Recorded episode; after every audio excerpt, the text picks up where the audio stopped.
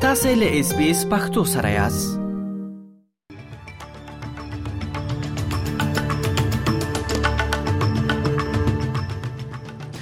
د خبرونو سرټکی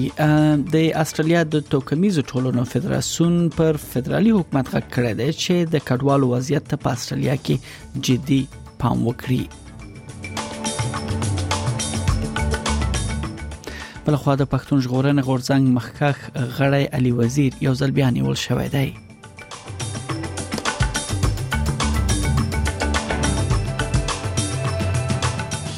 نیوزیلند په پلان ښار کې یو کس د تبر په وسیله څلور کسان ټپيان کړي دي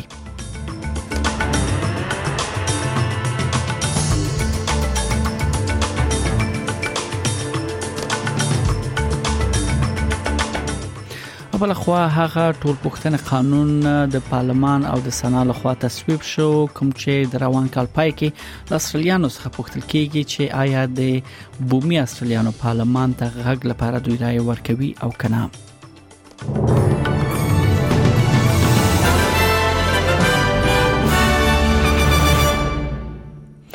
دا هم بشپړ خبرونه لکه څنګه چې نړۍ د کډوالو نړیواله ورځ لمانځي د استرالیا د توکمیزو ټولنو فدراسیون په فدرالي حکومت غږ کوي چې د ویزو وضعیت ته په پام سره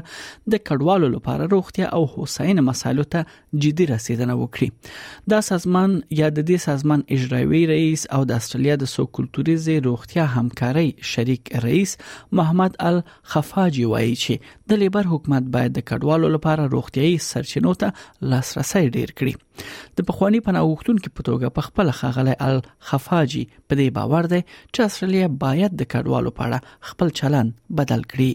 Refugees make a huge contribution to our um, uh, country here in Australia. I mean, myself, uh, being a former refugee, I, I have seen the generosity of the Australian people and I have wanted to ensure that I give back to the community. Refugees are future Australians. They have worked hard, they pay taxes, and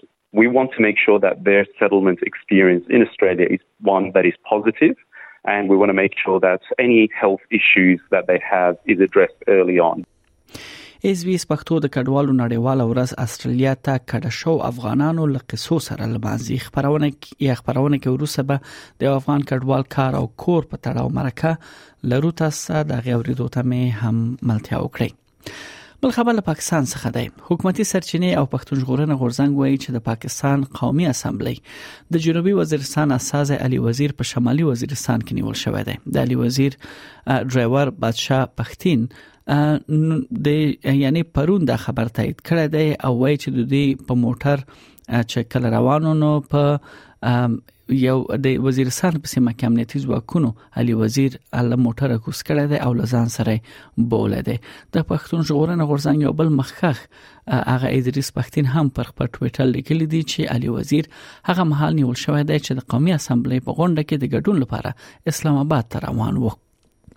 په شمالي وزیرستان کې ځایي چارواکو په رسمي توګه د علي وزیر د نیولو پخلای نه ده کړې البته مشال رادیو ته د پولیسو د پلټنو ادارې ویل دي چې دوی څلور چارواکو سره خبرې کړې دي او هغوی ټولو د نوم نه لیکلو په شرط د علي وزیر د نیول کېدو پخلای کړی دی د نیوزیلند په اکلند ښار کې یو کس د تبر په وسیله څلور کسان ټپيان کړي دي ټپي شوی کسان په روغتون کې درملنه لاندې دي او روغتيایي حالت یې ښه خودل کیږي بریدګر چې سریرش کلن نیوزیلند تبع دی د محل د پولیسو په توقيف کې دی عیني شاهدان وایي چې دغه سړی تر نیول کېدو مخکې په درې یعنی په درې کسانو باندې چې هغه چینایي رستورانتونو کې دوی یعنی خواړه خوړل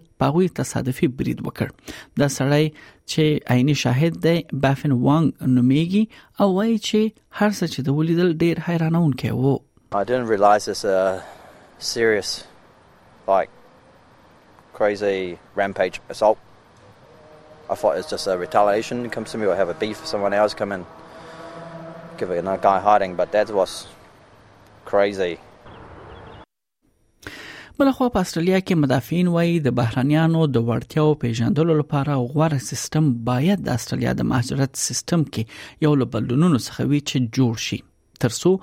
مهاجر یا ماهرین یا هغه مسلکی مهاجرینو ته دوی غوړه کارونو ته د غوي لاسرسي لار حسانه او هم هواره کړي د غیر انتفاعي ګروپ سټلمنت سرویسز انټرنیشنل لخوا یو نوې راپور د خبر شوې ده چې هغه موندل دي لکه تلګه په هر څلور ماجرونو کې یو یې په ټیټ مهارت لرونکو پوسټونو کې کار کوي نه دا چې دوی په هغه ساحه کې چې دوی مهارتونه او ورتیاوې پکې لري د دوی د تجربې په پیژندلو کې ځن هم یو لستر ننګونو څخه ګڼل کیږي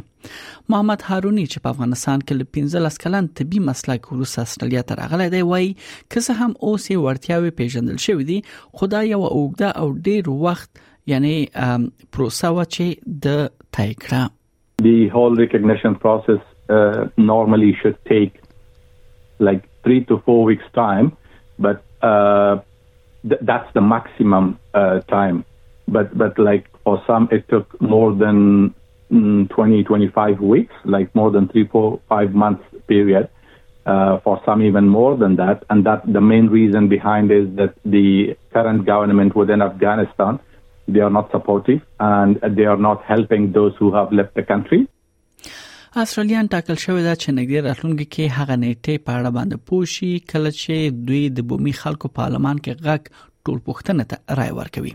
دا په داس حال کې ده چې فدرالي پارلمان د دوشنبه په ورځ بومي استرالیانو پارلمان د غږ ټول پښتنه پلار اچول هغه ته مثبت رائے ورکړه او دا قانوني تصویب کړ دا په 13 سلیریش کلونو کې لومړی ریفرندم دی چې تر سره کیږي لومړي وزیر انټونی البنيزي د مشاورینو او د ابریجنل او تورس سټریټ آیلندرز ټاپو مشرانو سره کار پیل کړی دی تر څو د رایو لپاره نیټه وټاکي او دا څه ګنګوسې دي چې دا نیټه به د اکتوبر 14مه د حکومت د غوړه نیټه په توګه ټاکل کیږي د استرالیا د بومي خلکو چارو کې وزیر لندر برنی وایي چې هغه هیله مند ده چې ریفرندم به بریالی شي I believe that the Australian people, as they come to understand uh, that this is going to make a practical difference in the lives of Aboriginal people, and that we, as one of the only first world nations with a settler, uh, a settler history, uh, will finally complete our constitution and that the first peoples of Australia will be recognised as that in our constitution. بل خبر له افغانستان څخه دی په افغانستان کې د بشري حقوقو په تړاو د ملګرو ملتونو ځانګړي راپورټر ریچارډ بنت وایي چې د خوځو پر وړاندې تبعیضي چلند د طالبانو د حاکمیت په مغز او ایدئولوژي کې ځای لري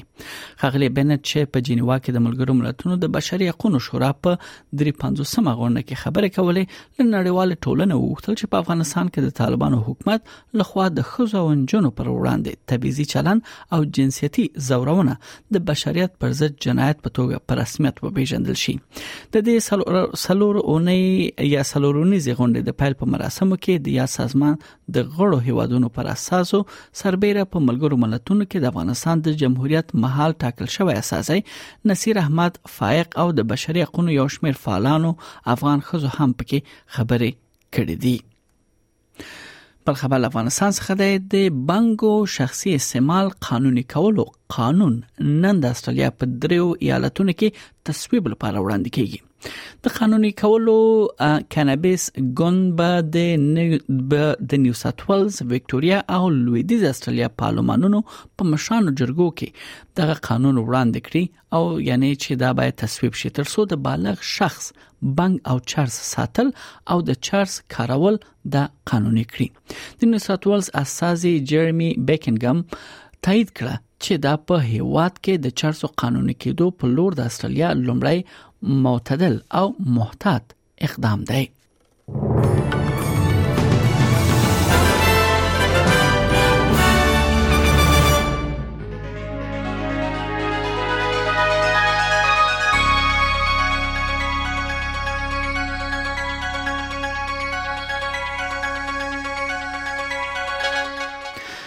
دا هم د استرالی ډالر پر وړاندې د ځینو بهرنیو اسعارو بیې په نړیوالو مارکیټونو کې یو استرالی ډالر 0.8 امریکایي سنت 0.2 یورو سنت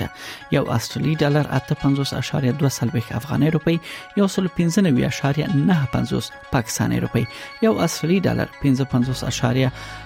واتیا هندۍ روپی 2.9 اماراتي درهم او یو استرالی ډالر 0.35 انګلیسي پنسه ارزښت لري نه هم د استرالیا د زونو خارونو نن لپاره د تودوخه تر ټولو لوړه درجه هغه هم د سانتیګریډ په کچه سیدنی کې هوا مریضه د 14 ملبورن کې اسمان برګ دیالس په برزبن کې هوا مریضه ده یویش په پرت کې هوا باراني د 14 په اډلیډ کې اسمان برګ 15 په هوبرټ کې اسمان برګ 11 په کمبيرا کې هوا مریضه ده لس او په اخر کې داروین هلته هوا مریضه او د تودوخه تر ټولو لوړه درجه 2 سانتیګریډ